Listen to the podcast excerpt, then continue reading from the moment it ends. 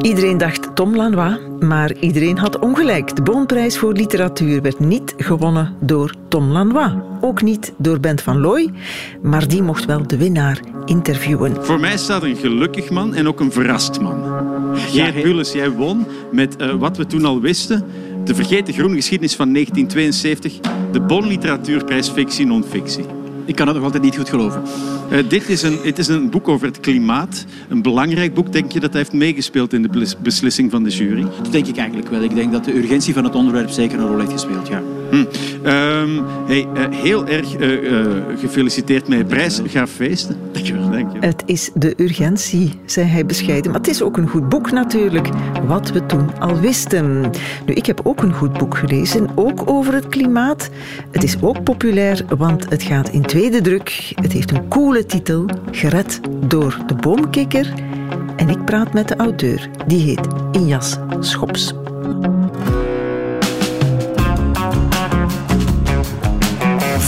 Voorproevers omdat de klimaatboeken aan de winnende hand zijn deze dagen, zelfs in literatuurprijzen, gaan we ervan uit dat uw interesse is gewekt of al groot was en is aangescherpt. Een klimaatboek hoeft niet saai te zijn, ook niet verdrietig te zijn. Dat heb ik weer eens gedacht tijdens het lezen van Gered door de boomkikker van Injas Schops. Meneer Schops is een wereldautoriteit in duurzaam en economisch rendabel uh, natuurbeheer. Vriend of goede kennis, zal ik zeggen, van David Attenborough, van Al Gore ook. Ja. Je noemt die toch af en toe? Of ja, ja, name dropping? Nee, nee helemaal niet. Ook van Jane Goodall, dat is de beroemde Britse biologe uh, die een groot deel van haar leven in Tanzania aan de chimpansees heeft gewijd. Ik weet dat ze een goede vriendin van jou is, want op de site van jouw uitgever Lano heeft ze het over jou. Finally, there's the indomitable human spirit, the people who tackle impossible, seemingly impossible tasks and simply won't give up. And I guess, Ignis, that you're one of those indomitable spirits. Je bent er zo een die nooit opgeeft, Ignaas, zegt ze tegen jou.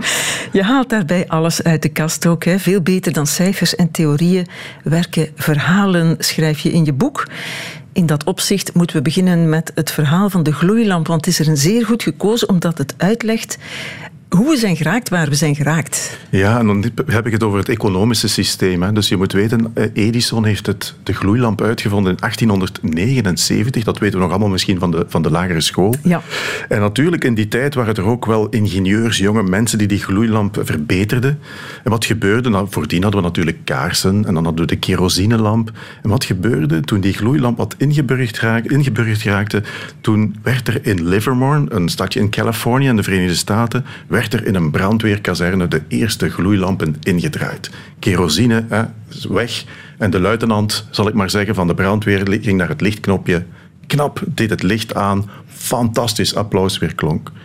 Wat gebeurt er is iets onwaarschijnlijk wat niemand ooit verwacht had. Dat is dat die lamp nu, in 1901 beginnen we, nu in 2023 nog altijd brandt. Ja, er bestaat zelfs een site waar je dat kan zien, hè, waar die brandende Ja, er staat een camera op om dat te kunnen zien dat die lamp brandt. Er zijn al zeven camera's kapot gegaan om de lamp te zien branden. Dus de lampen in die camera's zijn kapot, maar de lamp, de gloeilamp, brandt, brandt nog, altijd. altijd. Je zou zeggen dat is iets om trots op te zijn. Wat een uitvinding. Ja, wat een uitvinding. Maar natuurlijk, de hele zeg maar, producentengroep van lampenmakers die zeiden, this is a very bad business model. Hè? Dat is een slecht businessmodel, want als we lampen maken die zo lang meegaan, zo lang licht geven, ja, dan kunnen we er niet veel verkopen. Dus wat doen ze? Ze spreken af in Zwitserland. En ze noemen dat de Phoebus Conspiracy, de samenzwering, de Phoebus samenzwering. En ze zeggen, mannen, we gaan het anders doen. We gaan lampen maken die nog maximaal duizend uur mogen licht geven. En dan moeten die stuk gaan. En oh wee, degene die lampen maakt die langer branden, die moeten een boete betalen. Er werd een testcentrum opgezet. En als je daarover begint na te denken dat we dingen zijn gaan ontwerpen om kapot te gaan, nieuw is bijna kapot, nieuw is weer al verouderd morgen, nieuw is altijd afval, dan zeg je ja, zo hebben we onze economie gaan organiseren. En dat is natuurlijk nefast. Dat alleen maar voor de winst, hè, maximalisatie, dat is nefast. En we moeten nu naar die omkering, naar wat men noemt de circulaire of de regeneratieve economie. Het zit in alles. Hè. Iedereen kan dat vaststellen. Koop een nieuwe gsm. Die, is, die, gaat, die gaat wel langer mee dan vier jaar, maar dan zijn de updates niet meer Absoluut. van waarde en dan kun je die niet meer toepassen. Hè. Nee. Dat is gestuurd om kapot te gaan of om vervangen te worden. Je noemt dat het vuilnisbeltontwerp. Ja. Het weggooiontwerp. We kopen alsmaar meer dingen die we niet nodig hebben met geld dat we niet hebben. En dat heeft natuurlijk een vreselijke economische impact. Jouw boek is ehm, geen negatief boek, hè, dat moet ik toch zeggen van in het begin. Maar je moet wel eerst de negatieve doembeelden door. Ja, absoluut. En je hebt een treffende beschrijving gemaakt, vind ik ook, van ehm, de situatie waarin we door dit economisch model zijn beland aan de hand van een vliegtuig. Ja, ik probeer daar verhalen in te vertellen, opdat mensen zich ook iets kunnen voorstellen met het verhaal en ook kunnen herinneren. En ik eh, maak zo een, een verhaal stel u voor dat u 15 jaar geleden naar Barcelona wil vliegen met het vliegtuig en u komt op Zaventem goed op tijd aan. We zeggen paasvakantie bijvoorbeeld. En de omroepster zegt hè, op zeker moment ding dong, zo gaat het dan. De, de, passagiers voor Barcelona maken u klaar en iedereen is klaar. En dan zegt die omroepster nog iets extra. Zegt, hè, passengers for Barcelona, kijk uit, want we missen zes schroeven en twaalf onderdelen. Instappen op eigen risico. Wat doe je dan? Stap je in als je weet dat het vliegtuig een aantal onderdelen mist? Natuurlijk doe je dat niet. Maar als je dan weet dat onze wereldbol, onze planeet, één grote machine is waar alles met alles te maken is, dan zitten we eigenlijk in zo'n vliegtuig. En zijn we eigenlijk aan het neerstorten. Want je weet, één radertje in een uurwerk kan een uurwerk niet meer doen, doen, doen branden, eh, doen, werken. Of een, een disconnectie van een chip kan een auto niet meer doen rijden. Dus we zijn eigenlijk met iets heel gevaarlijk bezig. Dat is dat die onderdelen, die natuur, die biodiversiteit, die allemaal nodig is, dat die wegvallen. En we weten ook hoe snel dat gaat. Het is berekend ongeveer één soort per 20 minuten geraakt uitgestorven nu, deze tijd. Het gaat duizend keer sneller dan ooit tevoren. Ik zal daar één lap bovenop doen die ook uit jouw boek komt, om de ernst van de zaak heel concreet te maken. Als de bij van de aardbol zou verdwijnen, zou de mens nog maar vier jaar te leven hebben. Staat aan het eind van jouw boek. Wie zegt dat?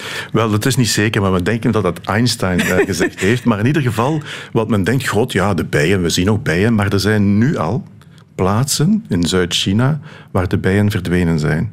En dan zie je, ik heb daar mooie foto's van, zie je mensen in bomen die daar zitten. En dan zeg je, wat doet die mens in de boom? Die zit daar met een penseel de bloemetjes te bestuiven, stuk per stuk, om eigenlijk toch nog hè, bloesem te krijgen die bevrucht wordt, waar appels of peren van komen. Ik kan u zeggen, de appel en de peren kost daar iets meer dan bij ons. Ja, maar geen bijen dus, geen bestuiving, geen planten, geen dieren, geen mens.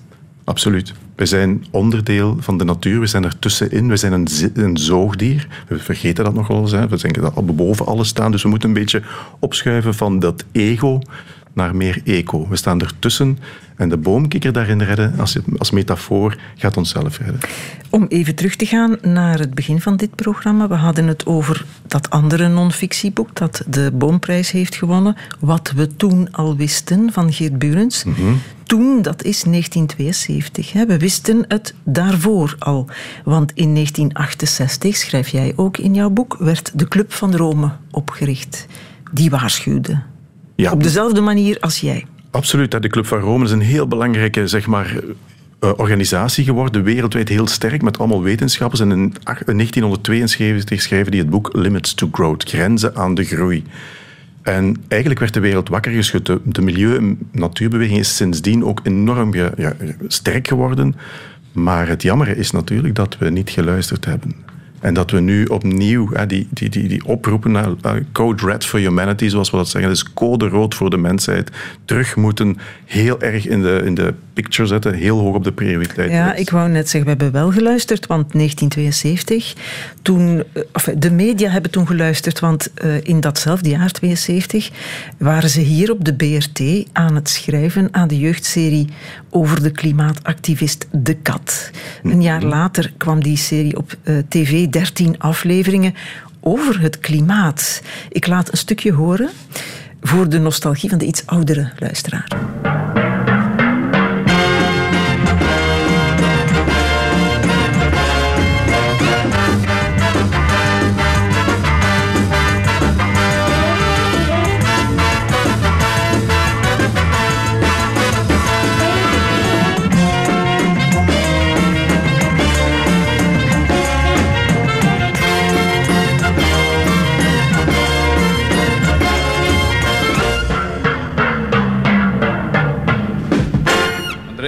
Ja, om Oscar. Waarom heeft de kat juist mij als doelwit uitgekozen? Zijn acties zijn gericht tegen fabrieken en personen die de natuur aantasten. En dan? Kennelijk vindt de kat dat uw fabriek de Hollebeek te smerig heeft gemaakt. De stinkende modder die hij hier heeft neergekwakt, kwam uit de Hollebeek. Niet alleen het afvalwater van de fabriek komt in de Hollebeek terecht, maar ook de riolen van de woonwijk. Die u hebt laten bouwen. Het lijkt wel of jij hem verdedigt. Ik probeer alleen zijn motieven duidelijk te maken om Oscar. Om u te helpen. Van tussentaal was nog geen sprake. Ik heb ook de pauzes tussen de zinnen korter geknipt, want dat ging vreselijk traag. Maar 72, jij was toen een jongetje van negen. Ja. In het Limburgse Heus de Zolder. Heb jij die reeks ook gezien? Uiteraard. En ik was er ook door gepakt, zoals men dat zegt. Natuurlijk de kat die, die de problemen ging oplossen. Er is natuurlijk een heel groot verschil tussen programma's erover maken, boeken erover schrijven. En dan natuurlijk ook de verandering te, te, bewerkstelligen die nodig is. En dat is blijkbaar veel moeilijker. Erover praten is fijn, feuilletons erover maken is fijn. Dus je moet proberen ja, impact te hebben daar waar de impact nodig is. Dat is bij overheden, bij bedrijven, bij iedereen. Hè. Want het is een gemist momentum. Hè. Als we het allemaal wisten, als die Club van Rome dat uh, alarmerende rapport de wereld instuurde, hoe komt dat dat we er toen niks mee gedaan hebben? Waren de alarmsignalen nog niet dwingend genoeg? Natuurlijk niet. Hè. Dus men denkt van het zal onze tijd wel duren. Het kwam niet kort genoeg bij. Want een projectie, het gaat heel slecht als we zo doorgaan. Men, men geloofde toen ook al heel erg in de technologische vooruitgang. En we gingen alles wel oplossen. Dat hoor je vandaag de dag nog altijd. Maar de cijfers zijn dan weer een, een, een heel concrete aangeving dat het niet goed gaat. Niet goed met de natuur, met de soorten, het leven op aarde, maar ook niet goed met de omstandigheden, het klimaat, de overstromingen, de hittegolven en zo verder. Dus het zijn twee symptomen die eigenlijk iets aangeven dat onze planeet aan het instorten is. En wij hebben een planeet nodig om te leven. Een planeet heeft ons niet nodig. Dus we moeten daar iets mee doen. En het fijne aan dat hele verhaal van de, van de Club van Rome, waar ik zelf lid van ben, is dat men dat boek nog recent heeft geherevalueerd. En 85% van wat daar toen in stond, blijkt nog altijd waar te zijn. Dus het klopt nog altijd. Alleen is het nu, hoe kunnen we die, die, zeg maar die achteruitgang stoppen en dan vooruitkijken? Ja, het is misschien... Uh, ja, raar om te zeggen, maar de alarmsignalen zijn wel dwingend genoeg intussen zo dat ingrijpen wel. En trouwens, COVID, dat er gekomen is, maakt ook duidelijk als oorzaak en gevolg dicht bij elkaar liggen, dan kan er ingegrepen worden. En dan is men wel bereid om dat te doen. Hè? Ja, COVID heeft mij geweldig veel geleerd. Eén ding is natuurlijk, moeten we ook wel toegeven, we dachten dat na COVID het leven helemaal anders zou zijn. Dat is niet gebeurd.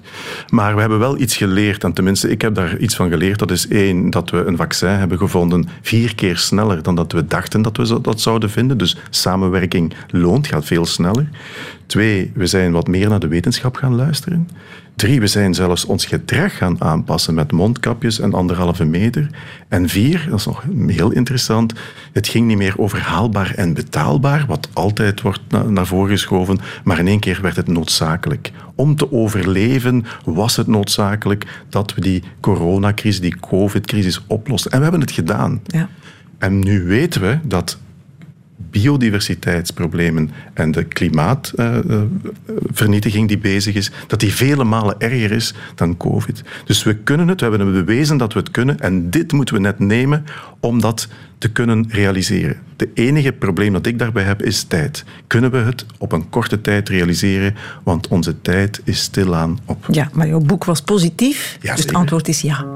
We lezen het boek Gered door de boomkeker van Injas Schops, een klimaatboek, een boek over biodiversiteit, geschreven vanuit de overtuiging dat er nog veel te redden valt. Verander de wereld. Begint bij jezelf. Meneer Schops, ja. alles begint met de juiste ingesteldheid. Ja, absoluut. Ja, je zegt dat heel mooi in je boek. Hoe die uh, positieve ingesteldheid vertrekt vanuit het inzicht dat natuur geen gevecht hoeft te zijn. Geen survival of the fittest, maar dat het een keten van samenwerking is. Alles met alles verbonden. Het is mooi te illustreren uh, via iets wat ik zelf heb geleerd toen ik een paar zomers terug de Boshut maakte, het programma De Boshut, met uh, boswachter Eddy mm Ulenaars in Pijnven in Hechtel Excel, die heeft mij verteld dat bomen met elkaar communiceren. Ja, zo mooi. We komen er steeds meer achter dat ook bomen met elkaar communiceren. Een heel mooi voorbeeld zijn de schermacacia's in Afrika. Uh, waar die, ja, die worden heel graag, dat is een super lekkernij voor giraffen. En als die giraffen aankomen naar zo'n bosje, dan beginnen die dat op te eten. Maar natuurlijk eten die de blaadjes weg van die, van die schermacacia's. Dus eigenlijk gaat een stukje van hun leven weg.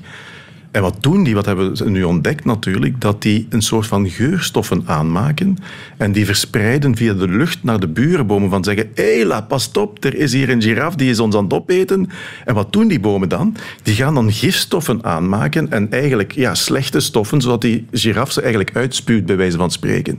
En dat wordt nu allemaal bekend. Die giraffen anticiperen dan daar weer op, want die gaan dan tegen de wind in beginnen eten aan die bosjes. Het is wel een gevecht. Het is wel een, maar wel een heel interessant iets dat samenwerking, van waar we denken, ja, een boom is een boom, die kan niet praten. Wel, bomen praten met elkaar, communiceren met elkaar in wat wij zien in de lucht, maar ook onder de grond. Het World Wood Web, zoals men dat noemt, met al die ja, schimmels en paddenstoelen, die draden die als, als een soort van ja, World Wide Web, maar dan World Wood Web, met elkaar verbonden is en eigen suikers en, en alle, heel veel voedingsstoffen doorgeven van boom tot boom. We, herinneren, we weten nu dat er moederbomen zijn die hun kinderen extra water geven, extra, extra voedingsmiddelen geven. Zo fantastisch om te zien. Fantastisch om je in te verdiepen. En dan natuurlijk, als je dat gaat doorhebben, dan zie je ook dat de mens verbonden is met elkaar, maar niet kan leven ook zonder die natuur. Daar ben ik zo van overtuigd. En daar denk ik dat je moet gaan kijken van hoe kunnen we dan die mens verbinden met die natuur. Want jouw kinderen, mijn kinderen, neem om het even wie. Iedereen wil dat zijn kinderen het goed heeft. Zodat een boom een andere boom ook niet hoeft te waarschuwen als de mens in aantocht is. Klopt. Maar zodat ze het fijn gaan beginnen vinden, hè, van het heel simpel uit te drukken. Maar daar komt het toch een beetje op neer. Iemand die mij na aan het hart ligt is Barbara Rotiers. Ze schrijft zelf ook jeugdboeken. En uit een van haar boeken heb ik haar een stukje laten voorlezen. Alexander von Humboldt was de beroemdste wetenschapper van zijn tijd. Hij wordt beschouwd als de grondlegger van de ecologie, de leer van het klimaat. Waarschijnlijk waren er voor hem nog wel mensen die al hadden ingezien dat de invloed van de mens op zijn omgeving verschrikkelijk kan zijn. Maar hij was de eerste die het opschreef en dan pas stelt het in onze westerse ogen als het ergens officieel genoteerd staat. Niet als je het hebt verteld aan vrienden of collega's of wanneer het van generatie op generatie mondeling wordt doorverteld. Humboldt zei dat alles in de natuur samenhangt. Raak je aan het een, dan heeft dat elders invloed. Hak je bijvoorbeeld zomaar een boom om, dan betekent dat minder schaduw voor andere planten die de koelte van die boom nodig hebben om te groeien. Die planten zijn op hun beurt dan weer de thuis van bepaalde insecten en die insecten houden de grond mee gezond. Dus je hakt niet alleen een boom om, maar je brengt schade toe aan het hele systeem. Dat zag Alexander in. Ja, komt uit het jeugdboek De H van Humboldt van Barbara Rotiers. Alexander von Humboldt is de Injas Schops van de 18e, 19e eeuw. Jij hebt het in je boek ook over hem, hè? Ja, en ook ik heb over het die ook samenhang. Over hem. Ja. ik heb het ook over hem, dat ik het ook een, echt wel een icoon vind. Het is eigenlijk een, een eikpunt waarop heel veel wetenschappers, zoals Darwin, die als grootste wetenschapper ooit wordt, uh, wordt aanzien, hij heeft zich heel erg gebaseerd op Humboldt's werk. En natuurlijk, die samenhang die wordt heel interessant. En soms zijn dan opnieuw verhalen hè, die ik zelf meemaakte, kan ik dan ook vertellen in mijn boek. Zoals een keertje dat er een hele grote groep betrokken was bij een uitstap om poelen te gaan bekijken. Ik ben heel erg bezig met, vandaar de boomkikker natuurlijk, ik ben herpetoloog die bezig is met amfibieën en reptielen. En die groep komt op bezoek in Limburg en we zijn aan het kijken naar hoe we dat gedaan hebben. En een keer plots een geluid. Een geluid dat ik nooit eerder live had gehoord, wel op de cassettes die ik had. En het was geen kwakend geluid van een kikker of een pad, maar het was een fluitend geluid. Zoiets in die aard. En ik dacht, wat is dat? En er was nog een specialist bij met Dirk Bouwens van het Instituut voor Natuur- en Bosbeheer. Specialist. En ja, dat, dat geluid, dat kende ik. En dat wordt vergeleken in de boekjes, in de wetenschappelijke boeken, met de Franse dwergooruil. Hetzelfde geluid. En Dirk roept, dat is de Franse dwergooruil. En ik zeg, nee, dat kan niet. En ik ga op handen en knieën en op zeker moment denk ik, ik heb het geluid gelokaliseerd. Ik trek een vlok gras op en daar komt de vroedmeesterpad onderuit. Een mannetje die de eitjes nog draagt rond de achterpoten, zowat 40, jaar, eh, 40 dagen lang. Dat gaat ze wel bevochtigen. Helemaal zoals je in de, ja, zeg maar in de National Geographic zou beschrijven, had ik daarboven. Een nieuwe populatie ontdekt van een zeer zeldzame soort op een kerkhof. Het zonnetje schijnt op een heuvel van het kerkhof. En dat is wat die beestjes heel graag hebben. Ze hebben niet zoveel met water, daar gaan ze een dik op en afzetten en die eitjes afzetten. Maar wat gebeurt? Dat kleine kerkhofje in het zuiden van de provincie Limburg krijgt stabiliteitsproblemen. Het zakt weg. De graven die al heel oud zijn, die moeten mogelijk verdwijnen. En wat zegt het gemeentebestuur? Wij gaan het kerkje helemaal vol spuiten, terug verstevigen. En de graven die met allerheiligen niet bezocht worden, wel, die gaan weg, want we moeten ruimte maken voor nieuwe mensen die komen te sterven. Maar, de kikker zat daar, de pad. Dat was net het thuis van mijn vroedmeesterpadden. En wat nu gedaan? Ik kreeg geen contact met de burgemeester om daar een gesprek mee te hebben. En Allerheilige was daar. Dus wat deed ik dan? Ik ben dan naar de bloemenhandelaar gestapt. Ik heb heel veel bloemen gekocht. En op elk graf dat niet bezocht was met Allerheilige ben ik bloemen gaan leggen in de hoop dat die graven bleven en ik een gesprek kon hebben met de burgemeester. En dat lukte. En die is erin getrapt. Die is erin getrapt. En zo kon ik toch een kleine heldendaad hè, verrichten. En zo zijn die, uh, is dat kerkhof nog altijd beschermd. En daar ben ik heel blij En zitten die padden er ook nog altijd? Die padden zitten er nog. Ze zijn wat minder in aantal, maar ze zitten er. Ja, wat een prachtig verhaal. Maar ja, je, je wil een positief boek schrijven, maar misschien is de krachtigste boodschap um, toch ook de negatieve die het hardst aankomen. Hè, wat duidelijk kan maken wat er kan gebeuren als we onze afhankelijkheid van de natuur, van de biodiversiteit niet erkennen. Je vertelt in het boek ook het verhaal van de farmaceutische industrie, winstgevende industrie, gaat over miljarden euro's, maar de bron is de natuur wat gevaarlijk wordt als de natuur uitgeput geraakt. En erg gevaarlijk. Ja, zeker. Hè. We, we weten dat ongeveer 70% van al onze medicijnen afkomstig zijn van de natuur. Hè. De farmawereld ontdekt die, die gaat die analyseren, gaat dat ook namaken. Maar 70%, omdat net die geneeskundige krachten daar allemaal in zitten, die verdwijnt. Ik dacht slim te zijn. Ik dacht, ik ga natuurlijk naar de top van de farmaceutische sector. Hè. Paul Stoffels, zeg maar, de nummer twee van uh, Johnson Johnson, uh, Janssen Pharmaceutica. Hij werd ook eredokter aan de Universiteit van Hasselt, waar ik een paar jaar eerder eredokter van was. En ik stapte naar hem toe en ik zeg, klopt het dat 70% van de medicijnen hè, afkomstig is van de natuur? En ik kon dat eigenlijk beamen, dat was heel makkelijk. En ik wist ook dat een medicijn dat wereldwijd op de markt werd gebracht, dat aan, aan research en development ongeveer tussen de 2 en de 3 miljard dollar kost aan voorbereidingskosten. Dus dat vroeg ik ook, klopt dat? Ja, dat klopt ongeveer. En toen zei ik, zei ik van, kan je misschien de helft van één medicijn aan mij geven, dan kan ik de wereld beginnen te redden en dan kan ik jouw medicijnen van de toekomst ook proberen veilig te stellen. Dus geef iets terug aan die natuur. Geef was iets eigenlijk... terug aan de natuur. En toen begon hij te lachen. En toen zei hij, ja, zo werkt het nu niet. Want de aandeelhouders, die denken daar anders over. Wat een flauw antwoord. Wat een flauw, je zou dat kunnen denken, maar voor mij was dat eigenlijk heel interessant om te, te horen hoe de wereld dan weer werkte. En toen dacht ik, misschien moet ik daar dieper op ingaan. Want ik kwam er natuurlijk snel achter dat de farmawereld geld maakt met zieke mensen. Dus dacht ik, bestaat het omgekeerde ook? Bestaat er ook een sector die geld kan maken uit gezonde mensen? En die bestaat. De verzekeringssector, ja, die, waar we allemaal elk jaar aan betalen, die wil zo weinig mogelijk uitbetalen, ook voor levensverzekeringen uiteraard. Dus ik opstap naar Duitsland, naar Allianz Verzekeringen. En daar mocht ik dan een pitch doen 15 mensen, waaronder twee vrouwen. En uh, ik zei van ja, waarom hebben jullie een voetbalstadion? Het Allianz-stadion, het voetbalstadion van Bayern München. En uh, die zeiden ja, we hebben veel mensen, kunnen we ook veel levensverzekeringen verkopen. En ik vroeg hen, meen je dat nu werkelijk? Wil je echt het leven verzekeren? Ja, tuurlijk, dat is onze, onze opdracht. En ik zei, als dat echt ethisch wil, waarom hebben jullie dan geen nationaal park? Want als je het leven echt wil gaan verzekeren, dan moet je ook investeren in natuur. Er stonden twee mensen op, en niet toevallig misschien de twee vrouwen, die zeiden van, die man heeft een punt, maar er is toen niks van gekomen. Nadien weet ik wel dat uh, Allianz nu wat, wat projecten aan het doen is, is spotgewijs. Hè, op plaatsen rond Bijen zijn ze nu aan het investeren. Maar in ieder geval, ik probeer die sectoren ja, geweten te schoppen. Je hebt dat misschien toch een klein beetje gedaan. Als je zegt, ze zijn in Bijen aan het investeren. Om maar te zeggen, er is een groot verband tussen biodiversiteit, het verdwijnen van soorten en het verdwijnen van gezondheid. En jij vindt dat daar geld moet tegenover staan of dat dat moet ja, betaald worden. Welk medicijn zou niet meer te maken zijn als welk beest zou uitgestorven zijn, bijvoorbeeld?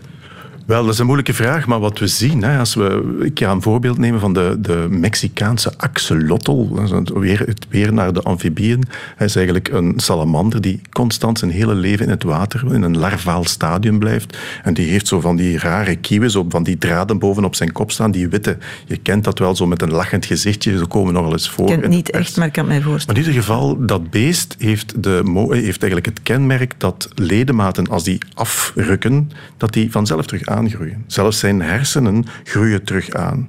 Dus stel je voor dat zo'n stoor zou uitsterven, en het is bijna zover, dan zouden we nooit te weten komen wat die regeneratieve ja, zeg maar, eh, eh, medicijnen kunnen betekenen voor ons.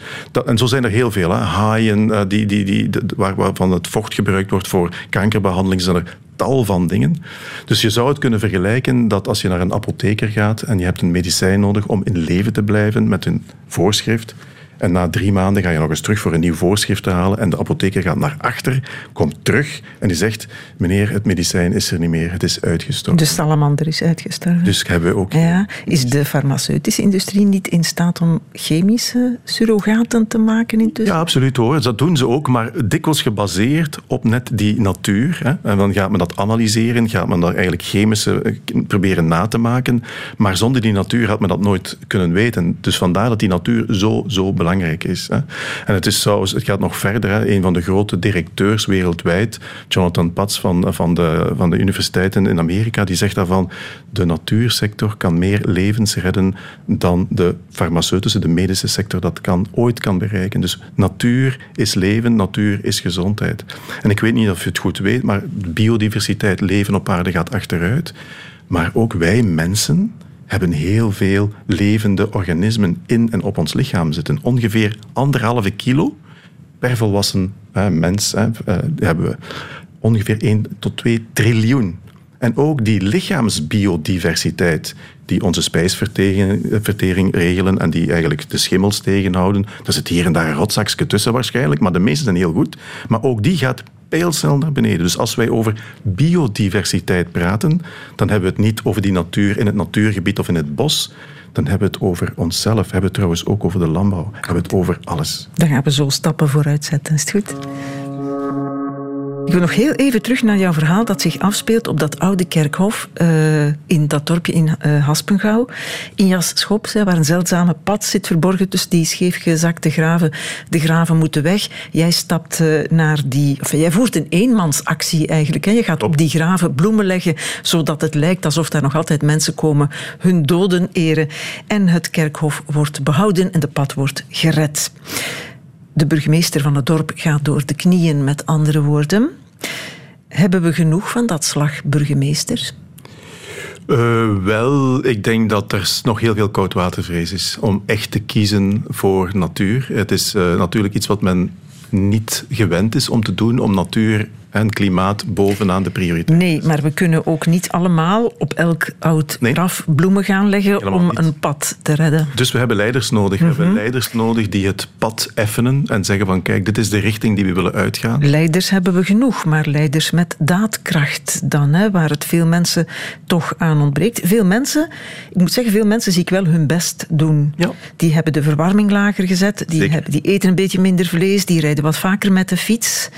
Maar ja, mensen hebben de macht niet natuurlijk. Het hangt af van de burgemeesters, de overheid, de politiek. In jouw boek geef je een heel mooi voorbeeld van krachtdadig leiderschap van John F. Kennedy in Houston, Texas, 12 september 1962. We choose to go to the moon.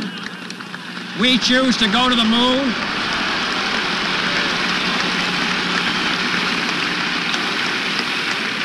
We choose to go to the moon in this decade and do the other things, not because they are easy, but because they are hard.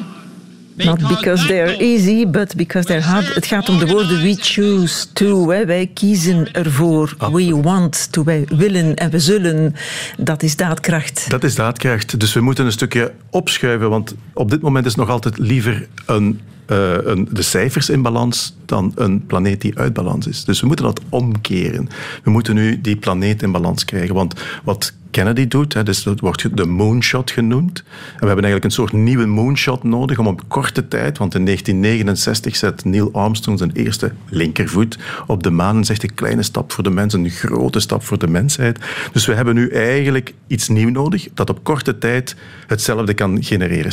Eh, systemen veranderen. En dat is eigenlijk wat ik noem die earthshot. We hebben nu geen moonshot nodig, maar een earthshot. En wat jij ook zegt is, als je leiderschap hebt als politiek en overheid, eh, de beslissingen nemen, dan zal het bedrijfsleven snel anticiperen. Geef daar eens een voorbeeld van.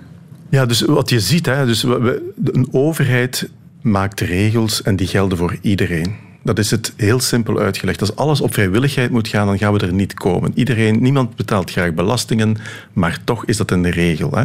We gaan allemaal verkeersregels, heb net het verkeer hè, nog voorgelezen, we moeten ons daaraan houden. Dus als ook een overheid zegt de toekomst zal duurzaam, klimaatvriendelijk, biodivers en we zullen daar regels rond maken dat het niet meer geschaad wordt, dan zal ook de economie zich daarnaar richten. En daar heb ik nog een beter voorbeeld van. De World Economic Forum in Davos, dat weer enkele maanden geleden eh, werd, eh, werd georganiseerd. Die maken elk jaar een risicorapport. Wat zijn de grootste risico's voor de wereldeconomie in de toekomst? Wel, de laatste vijf jaar staat er op één en twee klimaat en biodiversiteit zijn de grootste risico's voor de economie van de toekomst. Want je moet weten, 50% van de wereldeconomie is afhankelijk van natuurlijke ecosystemen. Ja, maar krachtdadige leiders of daadkrachtige leiders, die zijn er. Hè? Het Europees Parlement heeft de verkoop van diesel- en benzineauto's mhm. verboden vanaf 2035. In het laatste nieuws deze week werd de vraag gesteld aan lezers: hoe gaat het met uw elektrische auto? niet goed. Zo bleek nogal wat mensen zeggen. Gebruiksonvriendelijk, rijbereik veel te kort. We gaan hem weer verkopen. Ja, bedrijfsleven is niet gevolgd. Wel, ik denk dat je hier de tijd moet geven. Ik, ik, geef een ander voorbeeld. De eerste meneer of mevrouw die een fax kocht, dat was een grote zot, want die kon niet faxen en die kon ook geen fax krijgen. Hè. Dus de markt moet gemaakt worden. We moeten naar shiften, we moeten van die fossiele verslaving afraken. Dat, op dit moment is de elektrische wagen zeg maar, het beste daarvoor klaar. Natuurlijk gaat dat niet zo snel dat, dat wij dat zouden willen. Dat is één. Hè? Elektrische wagens. Twee, ook moeten we die elektriciteit nog ecologisch kunnen opwekken. Dat is nog een ander verhaal. Maar die transitie is bezig. En daar moeten we ook naar durven kijken, naar het proces is positief, is de juiste richting. Daar moeten we over nadenken. Niet allemaal in de elektrische auto, dat is natuurlijk iets anders, want dan staan we elektrisch in de file. Maar we moeten ook gaan kijken van hoe gaan we ons anders ja, Vind je dat dan dappere mensen die toch al met zo'n elektrische wagen rijden? Ja, dat zijn Ondanks de mankementen, hè? want het is toch niet zo Ja, het zijn de early adapters, die hebben we nodig om te laten zien dat het kan, dat het ook betaalbaar wordt. Want het wordt dan, dat zit ook in de, in de zonnepanelen en de, en, en de windmolens, die gaan allemaal gigantisch naar beneden in kostprijs. Dat zal ook zo gaan met andere vervoersmiddelen die duurzamer zijn. Dus je zegt, de, als de politiek het voortouw neemt, dan volgt het bedrijfsleven. Maar signalen uit de samenleving heb je ook nodig hè, van mensen die druk zetten op dat bedrijfsleven om te volgen. Ja. Uh, qua signalen uit de samenleving, die waren er de voorbije weken te over. Mhm. Ze kwamen niet van de burger in het algemeen, maar van de boeren. Ja. Omdat de overheid wil ingrijpen omdat er te veel stikstof Zeker. Uh, is. Om het heel simpel te zeggen. Ik had twee boeren in de studio, in deze studio, een paar weken terug. Mijn hart brak toen ik hen hun uh, verhalen hoorde. En de boodschap in jouw boek is nogthans, het hoeft geen gevecht te zijn. Nee, want mijn hart breekt telkens als boeren dit verhalen vertellen, want dat zijn verhalen van echte mensen, van echte boeren met echte problemen. De vraag is natuurlijk, wat doe je eraan? Want als je iets te veel geeft, als je te veel alcohol drinkt, dan heb je problemen. Als er te veel stikstof in de natuur komt, heb je ook problemen. Niet alleen problemen in de natuur, maar ook problemen eh, voor onze gezondheid. De vraag is van, hoe kan je nu die hele landbouwsector meenemen op pad naar die duurzame, regeneratieve eh, zeg maar landbouw, zoals we, dat noemen, zoals we dat noemen, waar we eigenlijk de landbouwer gaan meenemen in een ander soort van landbouw, waar we ook de markt, waar de afzetmarkt ook voor gemaakt wordt. En die dingen die bestaan, die zitten nu nog een beetje onder de watergordel, bij wijze van spreken, maar die, zijn, die bestaan, die zijn we aan het toepassen. En dan ontstaat er iets moois, omdat mijn, mijn boetaden is er een beetje een pact voor de open ruimte, BTW inclusief. We moeten proberen met de natuurbeschermers en de boeren samen een pact voor de open ja, ja, maar op, termijn moet, op korte termijn moeten bedrijven dicht, hè, want daar ging dat ook over in onze studio. Absoluut. Van moeten gebeuren. Maar het goede nieuws is hier dat er ook middelen voorzien zijn. Er is 5 miljard voorzien om die bedrijven te helpen. Er zijn sectoren waar het minder goed voor gaat. Eh, dus we moeten daar hulp bieden. Ook en niet de pretentie hebben vanuit mijn sector. Niet de pretentie hebben dat we weten hoe we moeten boeren. Maar we kunnen hen wel mee op pad helpen. En daar denk ik, waar ik ja, nu als, als voorzitter ook van de Bond Beter Leefmilieu probeer te kijken van hoe kunnen we coalities sluiten. Mestactieplan is gesloten tussen boeren en natuur- en milieubescherming. Het is een goede voor het eerst dat we dat doen. 30 jaar heeft dat gedaan maar het lukt nu om verbinding te zoeken en dan te gaan accelereren en eigenlijk de boeren mee te nemen. Want er is iets... De, de, de, natuur houdt van, ook, van ons, ook als je niet van de natuur houdt, moet je weten. Mm het is logisch dat ze steun krijgen, toch? Want je zegt, er zijn er andere minder goed af. En, en, er is nog iets aan de hand natuurlijk, want wat ik daarnet zegde over de lichaamsbiodiversiteit, dat bestaat ook voor de bodembiodiversiteit. De schimmels en de kevers en de, de regenwormen die in de grond zitten. Ook daar, dat is de onzichtbare natuur. We moeten die onzichtbare natuur zichtbaar maken, want ook die onzichtbare natuur, die klinkt in elkaar. En als je geen vruchtbare bodems meer hebt, heb je ook geen goede voedingsstoffen en voedingsmiddelen meer. Dus we kunnen eigenlijk iets fantastisch doen door terug samen te gaan werken. En het voordeel is, ik ben internationaal actief, het is aan het gebeuren Spanje, Portugal, Italië, zie je dat die familiale landbouw zich aan het vastklikken is aan de natuursector om samen ja, hogere doelen te Ja, er is een mooi voorbeeld. Jij bent uh, directeur van uh, Park... Uh, wacht, hè, wat is de goede naam? ja, oké. Okay. Ja, ja. waar toerisme en natuur ook hand in hand met steun van overheden toch ook. Absoluut. Dat was vroeger het mijnlandschap. Ja, Dat, waar de mijnen dichtgingen, werkloosheid groot was en dat helemaal heropgebouwd is, waar nog weinig werklozen zijn, toch ten gevolge van de sluiting van mijnen. Jazeker. We zijn van ja, de provincie waar vroeger de armoede van het verleden wordt de rijkdom van de toekomst, het groene provincie Limburg. En het grote ja, zeg maar, project dat we gedaan hebben is een reconnection model, een model gebouwd waar eigenlijk die natuur terug verbonden wordt met de natuur, mensen met natuur, bedrijven met natuur en beleid met praktijk. En wat ik ben gaan doen natuurlijk, is de socio-economische waarde van die natuur gaan berekenen. En dat is zo belangrijk, dat je kan aanduiden dat natuur belangrijk is voor de natuur, maar ook een socio-economische waarde heeft. Zo heeft het Nationaal Park 191 miljoen euro omzet per jaar en 5000 jobs. En als je daar naar gaat kijken, dan zeg ik van als we nu weten dat natuur zo belangrijk is voor ons, waarom zouden we dan geen nieuwe universele verklaring gaan uitroepen. Een universele verklaring van de afhankelijkheid van de mens aan de natuur. Ja, jouw boek eindigt met een pleidooi voor zo'n ja, verklaring van de rechten van de natuur is dat eigenlijk. Een menselijke afhankelijkheid van de natuur. Want het is existentieel. Geen proper water, geen propere lucht, geen voeding hebben we als we de natuur niet redden. De boomkikker staat daar centraal en misschien metaforisch voor van de boomkikker redden is onszelf redden. Er is één lichtpuntje al na die oproep, en dat is niet, zeker niet alleen door mijn werk, hè, ook Jane Goodall, heel veel organisaties. Dat is dat vorig jaar op 28 juli de Verenigde Naties in zijn algemene vergadering heeft gezegd dat een gezond leefmilieu een mensenrecht wordt. Dit is de eerste stap dat natuur erkend wordt als iets fundamenteels, existentieel. En als we dat kunnen redden, dan redden we. Ja, de vraag die je daarbij nog moet stellen, maar er is nog weinig tijd om er antwoord op te geven, is hoe kan de natuur haar rechten afdwingen? Hè? Want mensen kunnen dat. Dat kan ik mij voorstellen, maar de natuur. Ja, het is bijna vreemd dat dat, uh, dat, dat niet kan. Want als je een bedrijf hebt, dat is een dood wezen daar heb, heb, je rechtspersoonlijkheid, daar kan je voor opkomen. Als iemand je bedrijf iets aandoet, dan ga je naar de rechtbank. Waarom zou een boom, een rechtbank, een rivier dat niet hebben? En we zien dat dat gebeurt. Zuid-Amerika en Ecuador staat natuurrechten in de grondwet. In Europa is het geland met Mar Menor, het eerste meer in Europa dat nu rechten heeft gekregen. En je ziet, in Nederland praat men over rechten op de Noordzee of op de Waddenzee. Het is aan het gebeuren dat mensen, net zoals voor een bedrijf, kunnen opkomen voor de natuur en de natuur en zijn rechten te laten bestaan. Gered door de boomkikker, daar valt veel meer te lezen over al deze dingen. boek van Injas Schops, uitgegeven bij Lano. Voorproevers.